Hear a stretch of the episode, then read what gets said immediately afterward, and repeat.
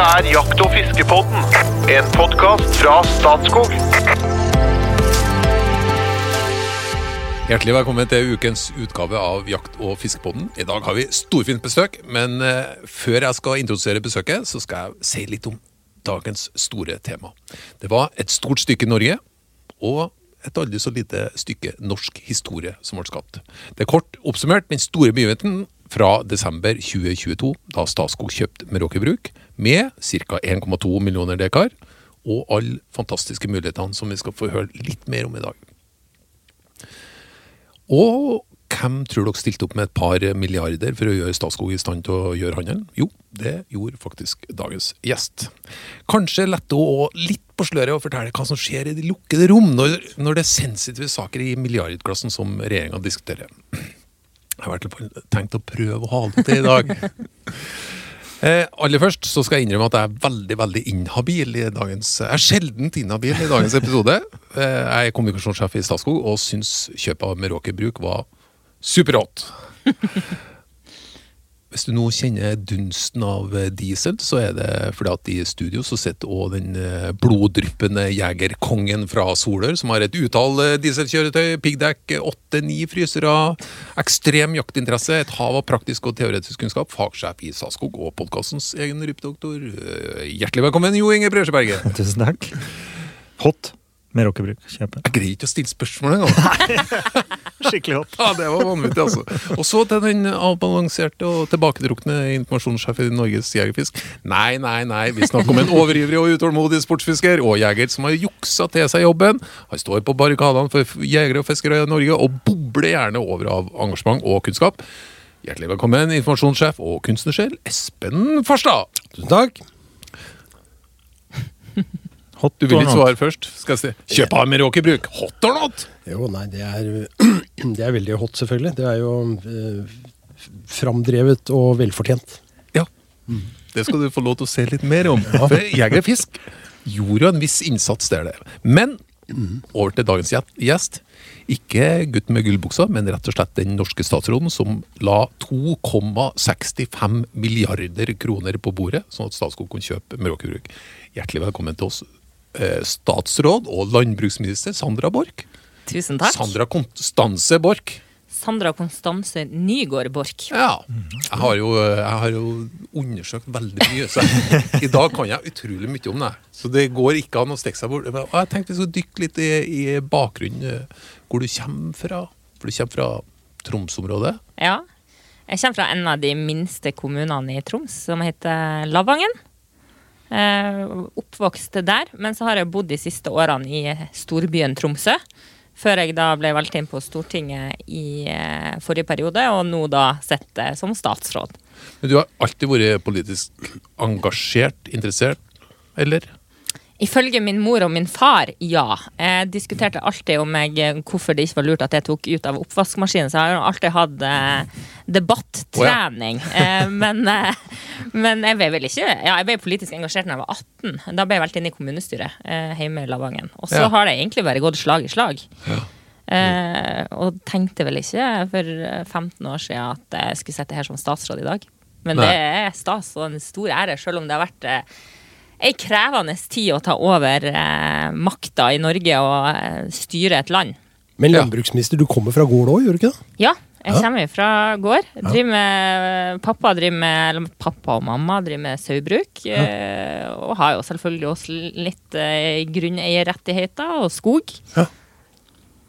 Ja, så du har eh, Ja, du du kommer, du kommer Jeg har odel. Ja, og du har det, ja? Jeg er odelsdatter. Aha.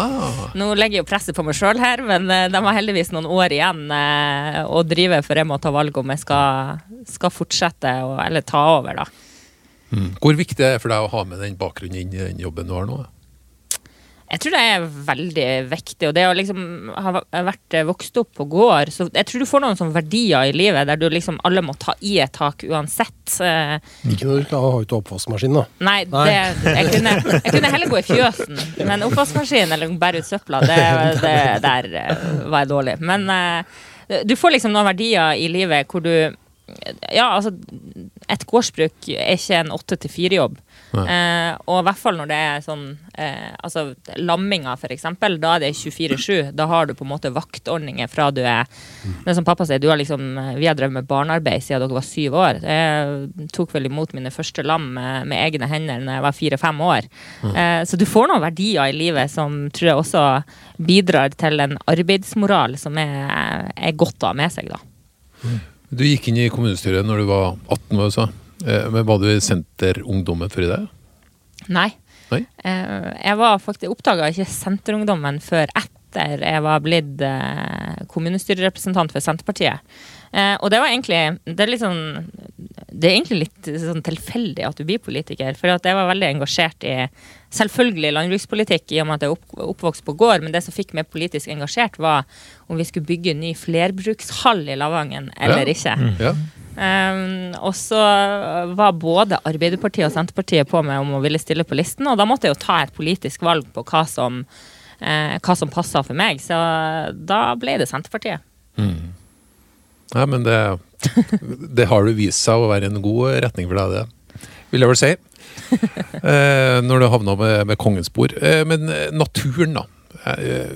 Vi treene har faktisk vært oppe i Troms på forskjellige fisketurer. Og er noe som slår oss, så er det den mektige naturen som møter oss oppe i, Troms. Vi var i Dividalen, Divielva, Fjellfroskelva og Vardøelva. Barduelva. Mm, og fiska. Det er mitt nærområde, det. Helt, helt utrolig. Ja. Og, og ikke sant, vi fiska med, med sånn snøkledde tinder i bakgrunnen. Men, hva er, men eh, hva er naturen for deg?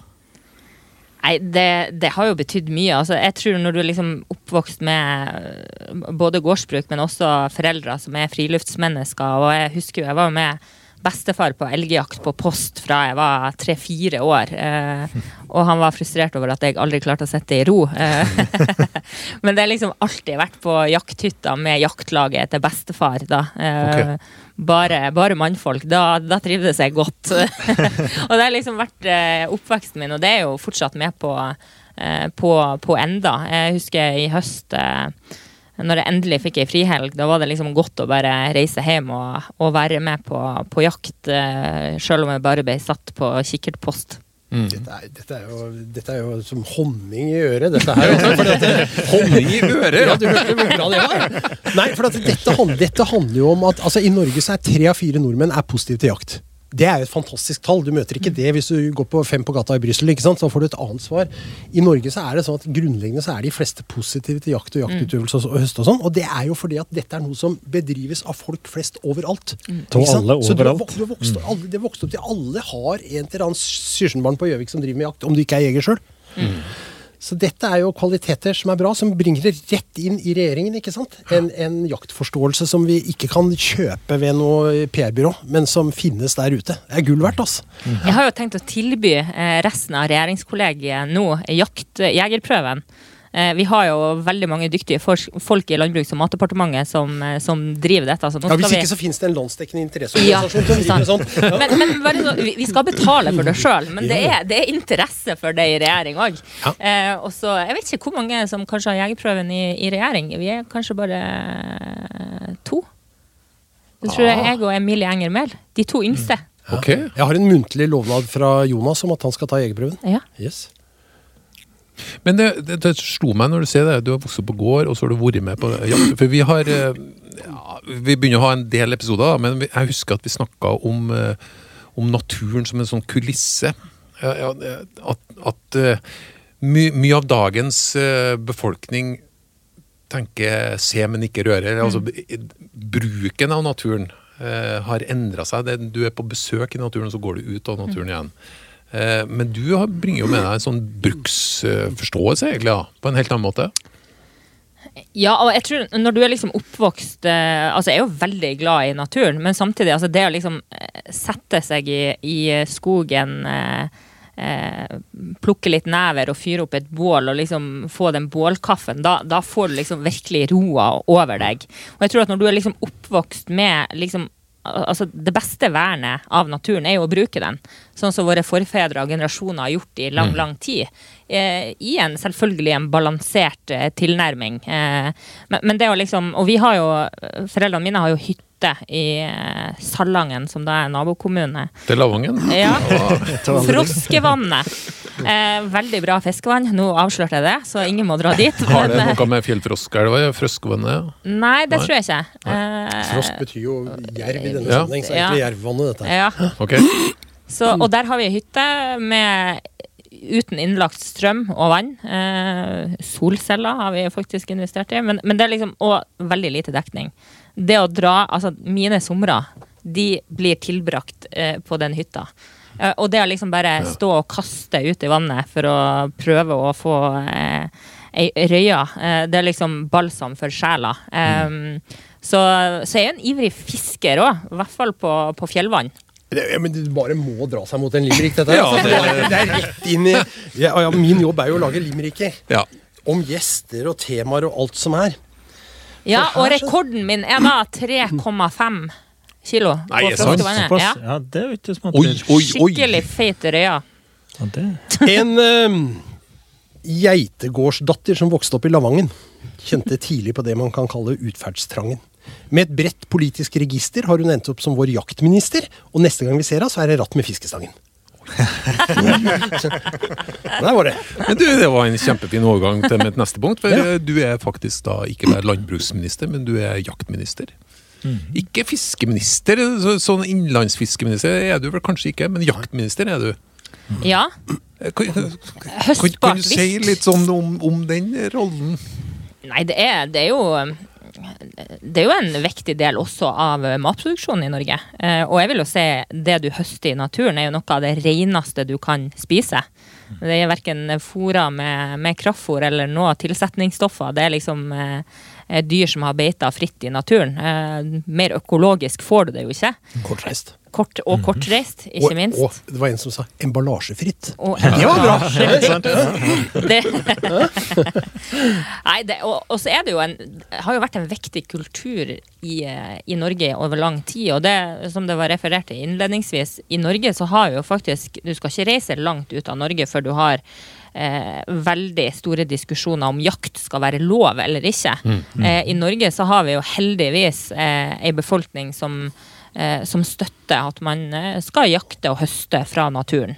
Eh, og det tror jeg liksom Det har vært eh, gjort over generasjoner. Det, det er viktig både for kultur, det er viktig for matproduksjon. Men så vil jo jeg si det er viktig for å få folk ut i friluftsliv òg. så, så her er egentlig et godt eh, kinderegg som vi må legge til rette for å utvikle enda mer. Og da må vi få også unge folk mer engasjert i, i jakt og, og, og fiske framover. Du, det må være ikke honning i øret, men balsam for sjelen når du hører det her. Ja, det er jo det. Og jeg skal ikke undervurdere den folkehelsebiten, da. Men rett og slett å få eh, ikke bare ungdom, men alle ut. Det er jo en ganske stor folkevandring å få den der høstjakta her. da. Og, og bare kjenne på det, at du, du må puste litt og, og altså, du får brukt skretten litt, da, og får inntrykk, ikke minst. Du blir jo ganske sliten til kvelds å gjøre den tur ut, om det er fiske eller jakt eller noen ting. Og det han skal ikke undervurdere det, altså. Vi fleiper jo med det og sier at det er meningen med livet. Ja, vi gjør jo det. Fiske, også, men det er, vi mener jo egentlig òg, vet du. Det er det verste. vi mener jo egentlig. Men, Men- når du men det er sier klart- balsam i sjelen, ikke sant? Det, det er her du finner ro, det er her du liksom finner fred. og Og så er det men vi ser folkehelse, det er jeg helt enig i. Ja. Ja, og vi ser jo at uh, apropos rekruttering, da, som vi brenner litt for, så ser vi at eh, en, en del av det høstingsbaserte friluftslivet da, det vil kanskje slite med rekrutteringa i framtida. Så vi har jo en utfordring der, da. Og vi ser det på elgjakta, så, spesielt elgjakta, så øker alderen på jegere. Der har vi en utfordring. Å få med, få med nye jegere, rett og slett. da. På det. Men jeg tenker det, det folkehelseperspektivet, det, det ene det, vi, vi gjorde jo undersøkelse på det på elgjakt. Eh, hvordan, eh, også hvilken effekt det hadde på den fysiske helsen. Det jeg er nesten like opptatt av, det er faktisk å kjenne fraværet av stress når jeg sitter Jeg, jeg, får, jeg får bruke eksempelet igjen, da. eh, På et fjellvann oppe i Børgefjell, og jeg kasta ut duppen. Og jeg kjenner at nå er jeg faktisk bare til stede. Det er faktisk litt sånn spennende. Kan anbefales. men- anbefales. Og jeg vet, jo, jeg vet jo hva som skjer med meg når jeg driver og scroller på Facebook eller VG eller e-post. eller sånn, Og det er hele tida at ja, nå, jeg må videre og videre. og videre. Nå får jeg sånn melding eh, en gang i uka om hvor mye jeg er på skjermen. Og jeg skjønner jo at viktigheten av det vi snakker om nå, øker jo bare. Og en av uh, mulighetene som uh, oppsto fra desember, var jo at uh, flere kunne, kunne kanskje få muligheten til å jakte og fiske i Meråker. 1,2 millioner mål. Første gangen du hørte om dere, husker du det? Ja. Fortell. Sommeren eh, i fjor ble vi, ble vi orientert om at det var en mulighet for Eller ja, at Meråker ble lagt ut eh, for salg. Um, og da var det jo egentlig bare å rigge folkene våre i departementet, eh, kontakte Statskog og, også fortelle at regjeringa er interessert i, eh, i denne eiendommen. Og så gikk det jo litt tid fra juni til, til desember. Eh, jeg syns jo det var forferdelig lange måneder. Eh, og så kunne du jo ikke si noe i media heller.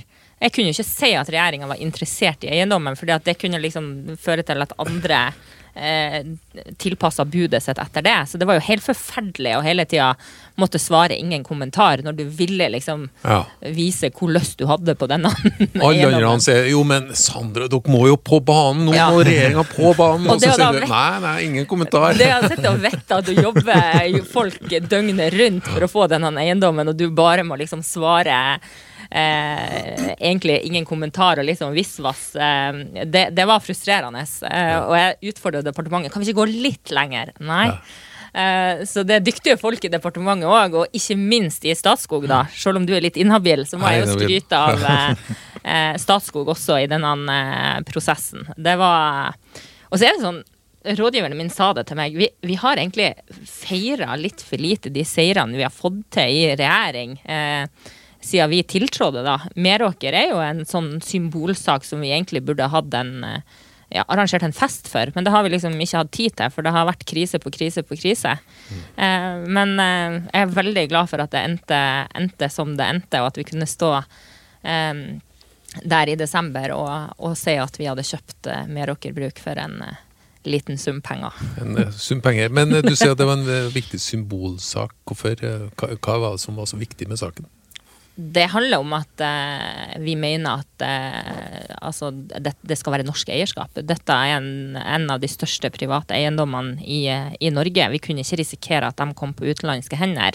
Eh, det å sikre de verdiene som ligger på eiendommen, enten det er eh, utvikling eh, av eh, nye fornybare energikilder, kraft eh, og ikke minst allmennheten sin tilgang på jakt og fiske, eh, har jo vært eh, viktig prinsipielt for regjeringa å ivareta. Så derfor er jeg veldig glad, og jeg var veldig lett da, når vi på en måte fikk landa, eh, landa at vi fikk kjøpe eiendommen, da. Men nå skal du fortelle noe som du, du aldri har fortalt før. Selvfølgelig. For da, når du får vite det der, og så ringer du. Hei, Jonas. Hvordan går resten av den samtalen?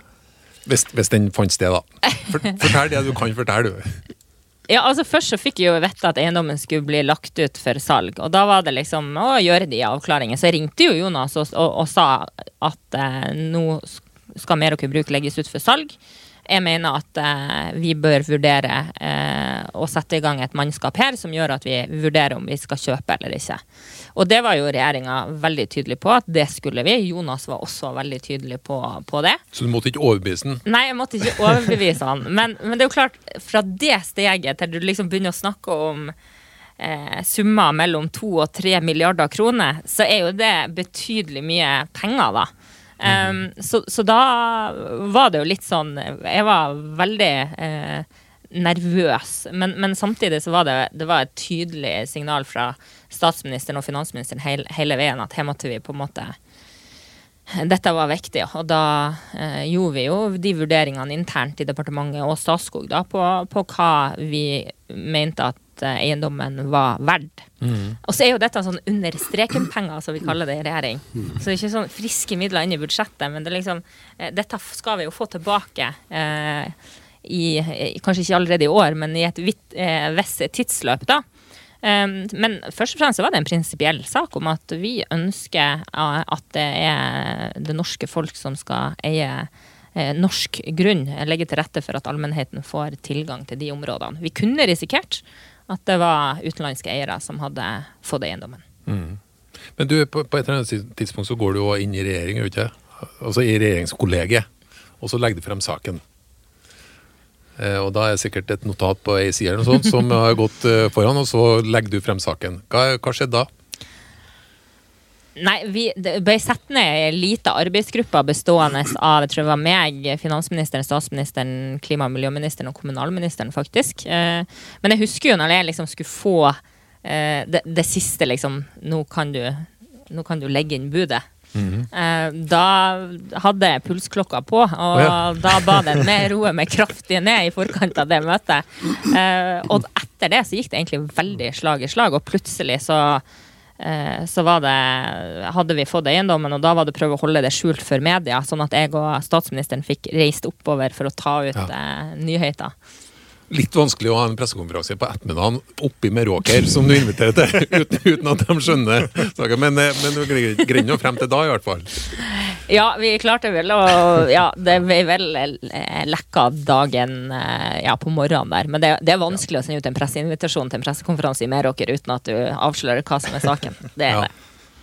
Eh, jeg hørte òg at eh, i sånne interne møter i departementet, så blir, og kanskje regjeringskollegaer, så blir mobilene lagt ut. Så det var en hypersensitiv eh, sak. Det var en kjempesensitiv sak, og det er sånn på lik linje når vi behandler budsjettsaker eller andre børssensitive saker, så låses mobilene inn i et skap. Ja. Både i departementet og på statsministerens kontor. Og det burde vi egentlig gjøre mer av, uansett. Ja, tenker jeg. det, det, det, apropos. Men du, eh, ja. Sånn, eh, få høre litt, Espen. Nå, nå, nå har vi fått hørt litt, litt av prosessen her. Hos, hva, hva som skjedde da Jeger og Fisk ble klar over at en såpass stor eh, eiendom eh, kom for salg? Altså, Vi har jo vært engasjert i statsgrunn og forvaltningen av statsgrunn i mange år. Vi var jo eh, glad når, vi, når Statskog kjøpte Borregaard Børresen for mange år siden. Det var også et svært eiendomskjøp. Dessverre så var det behefta med et nedsalg i bakkant. Eh, såkalt arronderingssalg, men det var jo et reelt nedsalg. Og det, så vi engasjerte oss veldig sterkt for å få stansa det. For vi mener jo at det er en verdi at staten eier grunn. Altså Bakgrunnen for dette er jo altså Jakt- og fiskeretten tilligger grunneierretten i Norge. Det aksepterer vi fullt ut. Og så er mesteparten av grunnen i Norge det er jo privat grunn. Der kan den private grunneieren selv bestemme hva han vil gjøre med eiendommen. Jakte, fiske sjøl, la det ligge brakk, leie det ut, øh, gjøre en avtale med jeger og fisk. Hva som helst, liksom. Altså, de er fri til Og det er jo masse godt samarbeid der ute mellom private grunneiere og jeger og fisk, og folk slipper jo til, og det, er bra. Men det er bare én konstellasjon, én type eiendomskonstellasjon som kan gi en garanti for tilgjengelighet, og det er, sta, det er statsgrunn. For der er det hjemla i lov at alle gis lik rett til, til dette. For det er jo et fellesgode, ikke sant. Så, det er jo litt sånn. så vi, vi i Jeger og Fisk har vært veldig opptatt av det. Altså Vi er en allmennhetsorganisasjon som er opptatt av å sikre en bred tilnærming til jakt og fiske og god deltakelse fra samfunnet. Sånn at tre av fire Sånn at du vokser opp på en gård hvor det jaktes. Altså Dette er viktig for oss. vi, Dette er en verdi i samfunnet som vi er opptatt av. Eh, så vi har jo hele tida fokus på det med Statskog. Vi har en samarbeidsavtale med Statskog, hvor vi er liksom enige om litt om intensjoner med jobbinga. Og så jobber jo vi da politisk på siden. Så når du sier at når dere kom dit at dette var lagt ut for salg, så var dere interessert i å kjøpe, så er det selvfølgelig i et bakteppe av at noen er jo opptatt av dette. Og vi Jeger og Fisk er jo det. Så vi har jo politiske møter med mange, vi, hvor vi prater om dette med verdien av det statlige eierskapet. Eh, og da Meråker kom på bordet, så var jo vi selvfølgelig bare ja, kom igjen, kjør på. Tommel opp. Dette er veldig bra, og støtter opp der vi kan på det, da. Så vi er jo veldig fornøyd med regjeringen som gjorde dette. Og jeg håper at dere legger merke til at det er jo så vidt det piper litt i en Frp-stemme bort fra Sunnmøre. Ellers så har det vært bare positive tilbakemeldinger på dette her. ikke sant? Det har jo vært, så virkelig, dere burde ta den festen som du snakker om, for dette er jo virkelig en ja, av alle de sakene dere holder på med, så er vel dette en av de bedre, for å si det sånn. Jeg synes jo her kommer dere godt ut av det. Dere gjør det. Og vi skal jo ikke slutte der heller, bare for å ha sagt det. For det er jo ikke sånn at, eh, at dere bare skal egentlig sitte passivt og vente på eiendommer som kommer for salg. For vi er jo inne i en tid med en, en utvikling, f.eks. prisutvikling på jakt og fiske, som er ganske tøff, altså. Nå selges det altså rypejakt for flere millioner kroner, ikke så veldig langt sør for Meråker. Og da stiger jo på en måte verdien av Meråker-eiendommen som et folkelig tilgjengelig, et folkelig tilgjengelig areal. Og det tenker jeg, det, det Vi har et eksempel eh, rett utafor Drammen, i Finnemarka i Drammen. Der har Statskog overtatt etter det Børresen-oppkjøpet ikke sant, for noen år tilbake. 2010. Ja, Og dere har eh, jo da lagt til rette for uh, allment tilgjengelig jakt uh, der. Selges på Inatur, og hvem som helst kan melde seg på. Alle får jo ikke slippe til, for det er jo ikke plass til alle, men alle gis en lik rett til å slippe til. Og det er bra. Dette er utsolgt sånn når det legges ut. Og det sier noe om at statlig tilgjengelige arealer, eller allment tilgjengelige arealer, da, eh, nær befolkningssentra, spesielt på Østlandet og Sørlandet, er mangelvare. Så her hadde jeg håpa altså Egentlig så burde dere eid hele Finnmarka. Nå er det noen bønder i Finnmarka som ikke blir glad når jeg sier det, men altså, dere burde ha hatt en sånn aktiv pådriverrolle her for å øke liksom Statskogs gjennomslag og, og, og, og den allmenne tilgjengeligheten. Det syns jeg hadde vært bra. Det kommer nok noen anledninger. Ja, men, eh, Sandra, møtte du egentlig motforestillinger før og etter? For å si det sånn. Jeg, altså, jeg, jeg, jeg har opplevd én ting, det kan jeg si. da. Det eneste jeg liksom har fått med meg, det er at folk lurer på om det var rett pris eller om det var for høy pris. og sånn, men ingen, ingen som egentlig har forutsetninger for å mene så mye om. Men bortsett fra det, har, er, er det noen som har sagt nei, det var ikke noe god idé at, at fellesskapet overtok eiendommen? Ja, det er jo Altså, det er jo ingen hemmelighet at eh, Fremskrittspartiet mente at dette var en hinsides eh, sum, og at man ikke burde kjøpt det og latt andre kjøpe det. Eh, Men, men jeg mener fortsatt det er rett, og jeg mener òg at det- er rett hvis det dukker andre eiendommer opp, fordi at allmennheten sine interesser, og at dette faktisk er det er jo norsk grunn. Da bør det komme det norske folket folk til, til gode. Eh, og det, det mener vi i hvert fall har eh, eh, vist et eksempel på nå, at eh, regjeringa er opptatt av eh, norsk eierskap til eh, allmennheten sine ressurser. Og så gleder jo jeg meg til å å se utviklinga av hva Meråker kan, kan bli. Eh, Det er en stor eiendom. Eh, Det vi allerede i år får til på jakt og fiske, eh, er jo, er jo viktig og, og også eh, signalisere at det er allmennheten som skal ha tilgang til, til disse ressursene. Og så kan jeg bare si at jeg har ikke tenkt å drive noe arronderingssalg av dere bruk. Nei, det tenkte jeg å spørre om. Så, det kan jeg betrygge deg om at her skal vi, er her skal vi utvikle eiendommen eh, i lag med, med Statskog, som sitter i, i førersetet både på, på jakt og, og fiske, men også på eh, i tett dialog med lokalbefolkninga, som også er viktig oppi det hele. Det kan jeg si òg på finansieringa. eh, For det er ganske avgjørende om, du, eh, om det er en god finansiering eller ikke. For det, det gjør noe med hvordan Statskog må drive etterpå. Og Finansieringa her er sånn at eh, det er et lån på 300 millioner. Resten er tilført e- egenkapital. Så det er fullt håndterbart uten at Statskog blir pressa til å gjøre noen verdens ting. Eh, Så det, når det gjelder salg eller eh, ekstraordinære Ja, tiltak. Det. Så det ligger veldig godt til grunn, ja. Eh, Jeg tenkte jo, Jo Inge, etter hvert skal vi høre litt på hva betyr noe dette på bakkene, liksom. Mhm. Eh, Kan du, kan du, eh, altså, Statskog sin modell blir nå etter hvert gjort gjeldende. og Vi har allerede begynt å lagt ut uh, jakt og fiske. Hva, hva skjer? Både for lokalbefolkninga og for tilreisende, la oss si Trondheim eller andre plass. Ja.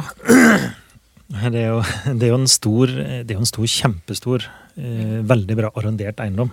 Det er jo helt unikt slik sett, da. Eh, I tillegg til at det har, eh, har mye lirypeareal, hvis du kan si det slik. da. En veldig bra eiendom for jakt av liryper. Og det er jo noe som av det mest populære, da, hvis du kan si det slik. Jakt av lirype med hund, f.eks. Så er det her et av de aller beste stedene i landet, faktisk, og du kan bedrive det. Og det har ikke vi altfor mye til. Og når du kommer lenger nord, så er det, er det dalfører og mer, litt mer avgrensa områder. Og så er det fryktelig mye snø, is og fjell. Som da, altså mer fjellrypeland. da. Mens denne eiendommen her er i, art, i aller høyeste grad en, en egnet for lirypejakt. Og det er det mangelvare på. Altså, Du prater om at vi blir utsolgt. Vi blir utsolgt nå på skogsfugljakt, til og med. Eh, mens på lirypejakt, det liksom Det kunne solgt egentlig mye som helst. Da. Og det vil vi nå tilby da, til alle. Ved søknad og trekking, så det blir likt for alle. Og så ligger det jo noen avtaler her fra før som, som da løper, som ikke, um, som ikke vi kan eller vil si opp, da, for at de, de er inngått og at de går til de går ut. da. Så, For, ja, for å ta det litt grunnleggende, så den eiendommen som nå Statskog har kjøpt, der var det såkalt tilrettelagt jakt. Ja. I stor grad. Ikke bare det, men i stor grad var det det. Vil si at man eh, hadde folk som var med eh, jegere ut, og man hadde eksklusive terreng og eksklusive hytter. Ja. Eh, Det og, og det er det jo et marked for. da, ikke sant? At, eh, det er jo betalingsvillighet eh, blant mange i Norge òg til, til akkurat det. da, Å få tilrettelagt rypejakt, f.eks. Enten at du har et terreng med hytte og kan jakte sjøl, men ha det eksklusivt. da, Du har det for deg sjøl. Og det var gjort i stor stil, altså at du leide ei uke med hytte. Eller elgjakt. Og da var det òg egne elgjaktfelter. Eller da tilrettelagt, som du ser, da, med guider da, Ja. og hund.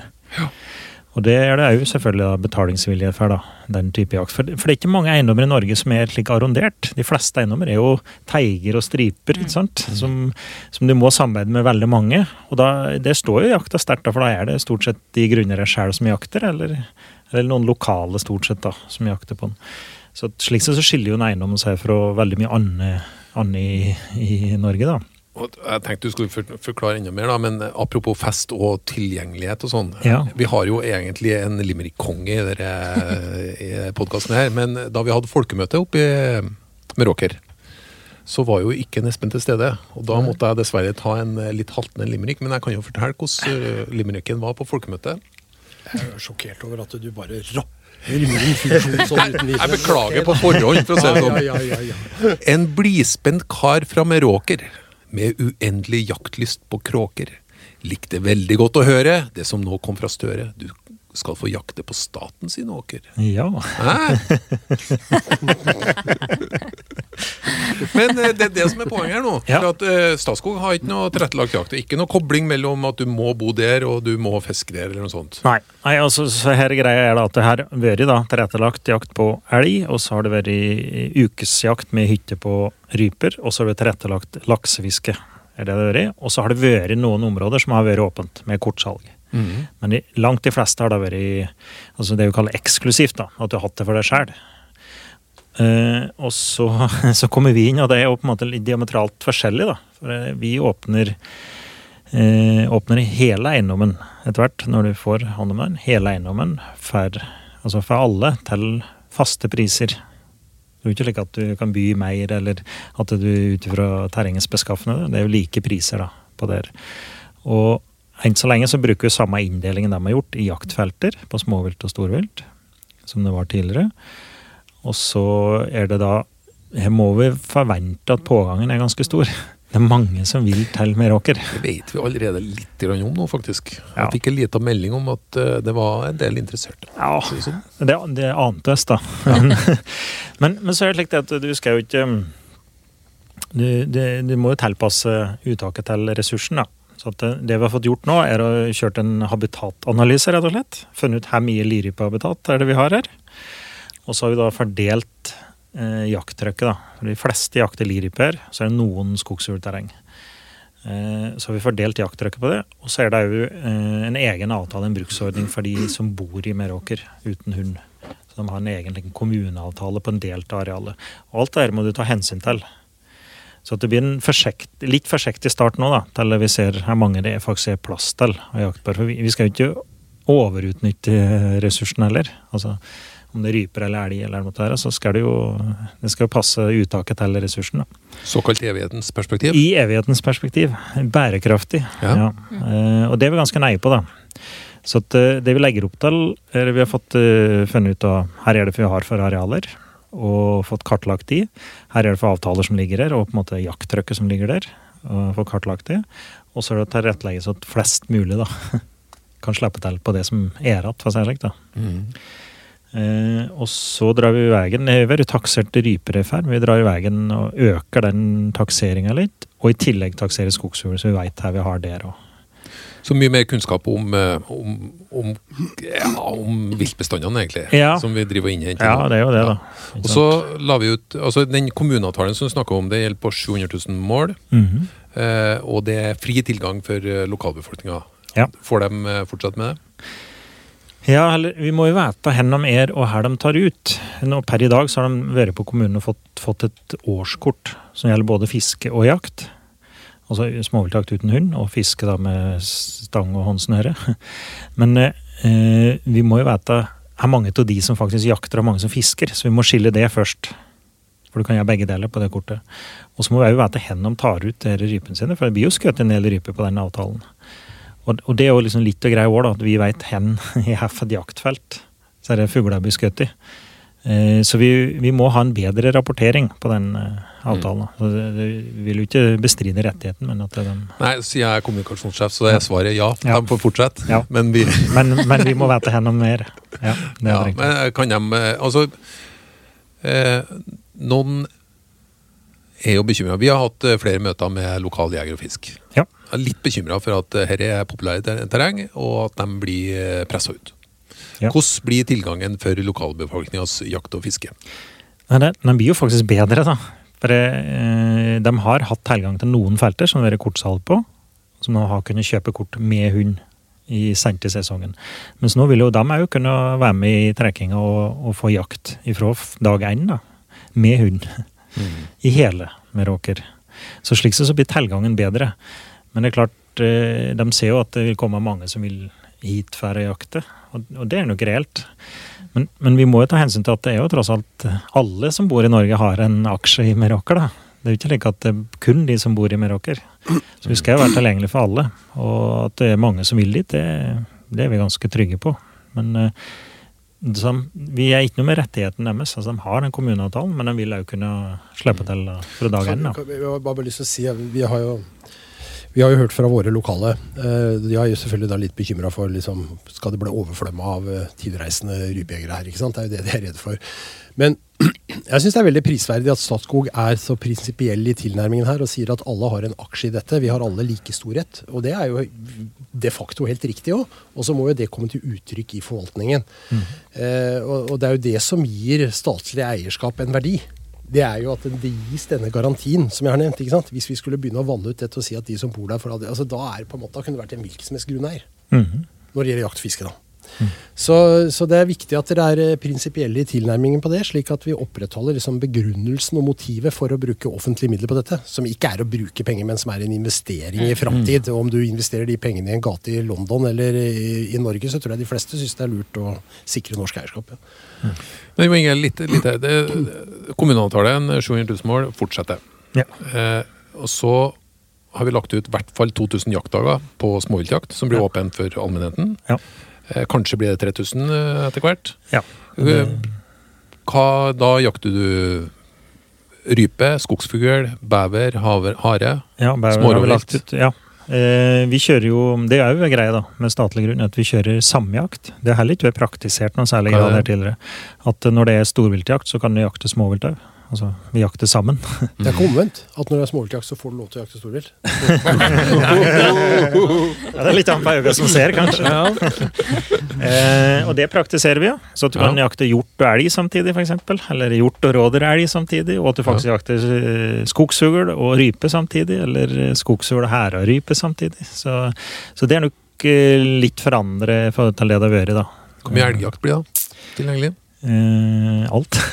ja, og det, nei, Hvor nei, mye blir det? Uh, nei, men det er jo vers og 200 fellingsløyver, da. Uh, og så er det en Nå husker jeg ikke i farten av mange, men 15-16 jaktfelter. Og så er det noen dere avtaler på, da. Som, så vi må forholde oss til de avtalene ja. som går ut. Men, men, i løpet av to års tid så har vi kontroll på så å si hele eiendommen. Så kjempestore kjempestore økninger i, i, tilgangen på jakt enn på ja. fiske. Ja, det er jo akkurat det samme. Det, det er jo på innlandsfiske så, så, er det der, handler det bare inn sammen med det vi har fra før. Altså det type det norgeskortet vi har fra før. Så det er ett tilbud der. Eh, men så er det jo betydelig laksefiskerettigheter her, da. Som da òg har vært enten på tilrettelagt opplegg eller en liten strekning som har vært kortsalgsstrekning som alle kunne slippe til. Men greia er at ifra neste år så blir det jo kortsalgsstrekning på alt. Mm. Og det er jo slik dere da Ikke fra i år? Ikke fra i år, for det, her var det inngått en del avtaler da, ja, okay. Eh, før vi tok over, da. Så mm. vi må forholde oss til de. Men mesteparten av juni og mesteparten av august faktisk kan vi legge ut i år, for at det ikke er legget ut. Og fra neste år så har vi da hele strekket og, eh, og alt sammen. Og da blir det nok en gang da, så blir det samme opplegget, da, så at alle kan slippe til. Færre faste priser. da. Det vi merker, da, Sandra, vi har, vi har lagt veldig stor vekt på å snakke med mye folk. Eh, og Vi har hatt flere folkemøter og veldig veldig mange møter med forskjellige interessegrupper. og Det vi merker er eh, For det første så er de utrolig glad for at vi snakker med dem. Eh, så, så det er nok en liten sånn vridning. Jeg, jeg, jeg vet ikke hvordan det er forvalta før, men det at vi er såpass tilgjengelige, blir satt stor pris på. Og så er man forventningsfull spent. Fra, fra ganske mange områder. Fra, altså vi har hatt flere møter med Jegerfisk. De, er de prøver å stille litt krav. De er ganske fornøyd, og så ønsker man å, å, å passe på sine, sine verdier og muligheter og rettigheter. Eh, næringslivet akkurat samme. Vi, merker veldig sånn positiv eh, stemning. Men det er jo klart at vi er i neste omgang så må vi levere. Men det, det jeg føler at det at eh, så langt så har så har stemninga fra lokalbefolkninga Jeg ser jo ofte Meråker, da, men det er Meråker Bruk, men det er jo litt flere kommuner. Men spesielt i Meråker. Så stemninga er veldig positiv. Merker du noe tilbakemeldinger fra der du sitter? Ja, absolutt. Og det må jeg si når vi reiste opp i desember i, i fjor. Det å liksom komme til Meråker, og du ser liksom alle husene vi kjørte forbi, hadde flagget til topps. Altså, det, det gjør noe med. Du føler liksom at du har gjort noe, utretta noe politisk bra, da. Eh, og så vet jo vi at det var store forventninger, men jeg føler at eh, Eh, Vårt oppdrag til Statskog var eh, sikre allmennheten tilgang til disse eh, ressursene.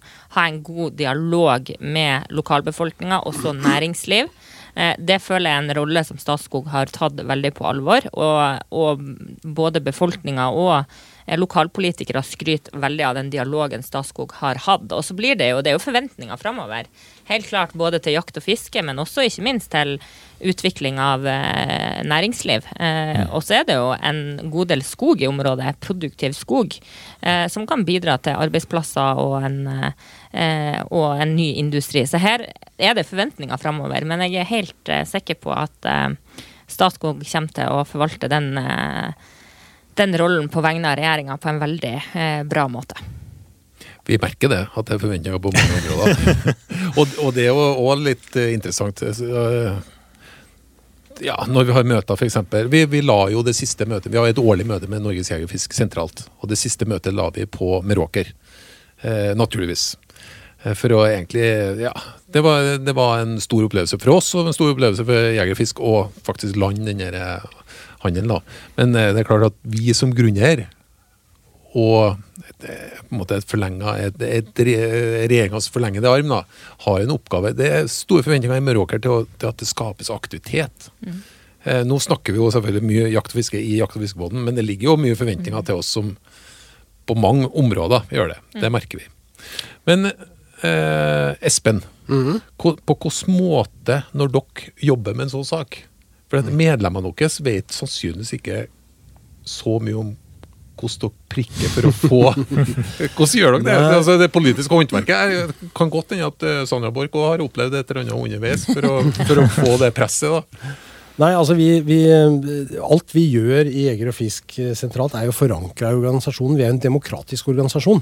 Og da vi hadde landsmøte i eh, 21, så fattet vi et vedtak eh, knytta til eh, Statskogs rolle, som styrker altså, som, som heter at vi skal arbeide for eh, stert, et sterkt statlig eie, eller jeg husker ikke formuleringen i farta, men det viktigste er jo liksom at eh, vi på den måten sikrer den allmenne tilgjengeligheten.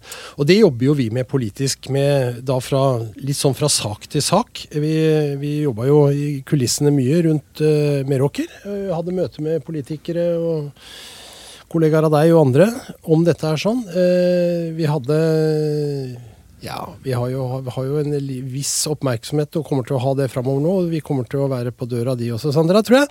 Når det gjelder forvaltningen av det som tidligere var statskirke, statskirkens utmark. Det er nesten en million mål, det òg, vet du. Det som nå forvaltes av Opplysningsvesenets fond. Det er jo klart at uh, eneste fornuftige måten å forvalte det på, er jo å gi det til Statskog og la de forvalte jakt og fisk der. Så, så er vi sikra en enhetlig Forvaltning av jakt- og fiskeressursene og tilgjengelighet for alle.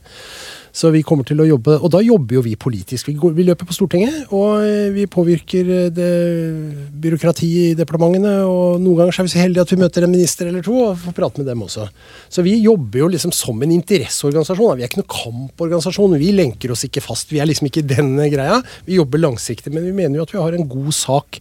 Og den samsvarer Vi var veldig blide og fornøyde når vi så pressekonferansen eh, fra der oppe, hvor både du og Jonas sto og sa de riktige tingene. Og det var mye allmennheten og tilgang og tilgjengelighet og jakt og fiske og alt dette her. ikke sant? Så det var jo det var, det var, det var en god dag, altså. Jeg har heller, heller egentlig ikke feira det ordentlig, så det må vi bare ta en dag. Altså. For dette var jo, var jo veldig, veldig stas. Men vi er jo, vi er jo aldri Vi er jo ikke mette. Jeg har en liten uh, limerick på tampen her, hvis jeg får lov til det. Ja, men eh, kan, kan, ikke du, vi ta, ja. ta et litt vanskelig valg før da? Jo. For at nå følte jeg, Du laga ikke noen overgang for en gangs skyld nå til deg sjøl. Men jeg har et litt sånn spesiallaga, eh, kanskje litt uh, småekkelt, men eh, et spesiallaga vanskelig valg. Nei, jeg beklager på forhånd. Uh, Ja, nå er vi spent. ja. au, au. La oss si at du nå er norsk statsminister. Altså dere, dere er norsk statsminister. Hva velger dere av følgende? 1.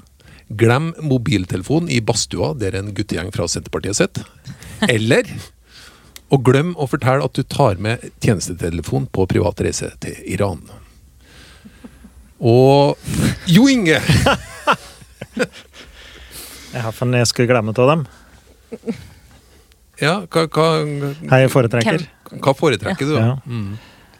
Um, nei, da, jeg hadde lagt at den i badstua, da. Ok. Ja. uten, noe, uten noe kommentar for øvrig. Jeg tar det over til deg nå først. Espen. Ja, ja. Jeg lar uh, Sondre få litt ekstra betenkningstid. jeg hadde jo helt opplagt tatt den med til Iran. Altså, det er, der er en potensiell fare, men det er ennå ikke dokumentert at det er misbrukt den veien. Men å legge den inn i badstua med sammen med Senterparti-gutter, det veit vi går galt. altså, det tror jeg ikke.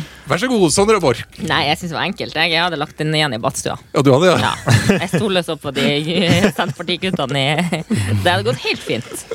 Det tror jeg egentlig jeg òg. Men ok, da er vi klare for limerick.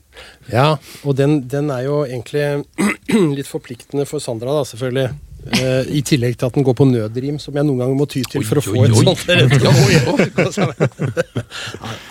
Det fins ei tøff jente fra nord som sitter benket ved kongens bord. Hun er minister for jakt, og har nå inngått en pakt om å være jakt- og fiskepoddens mentor.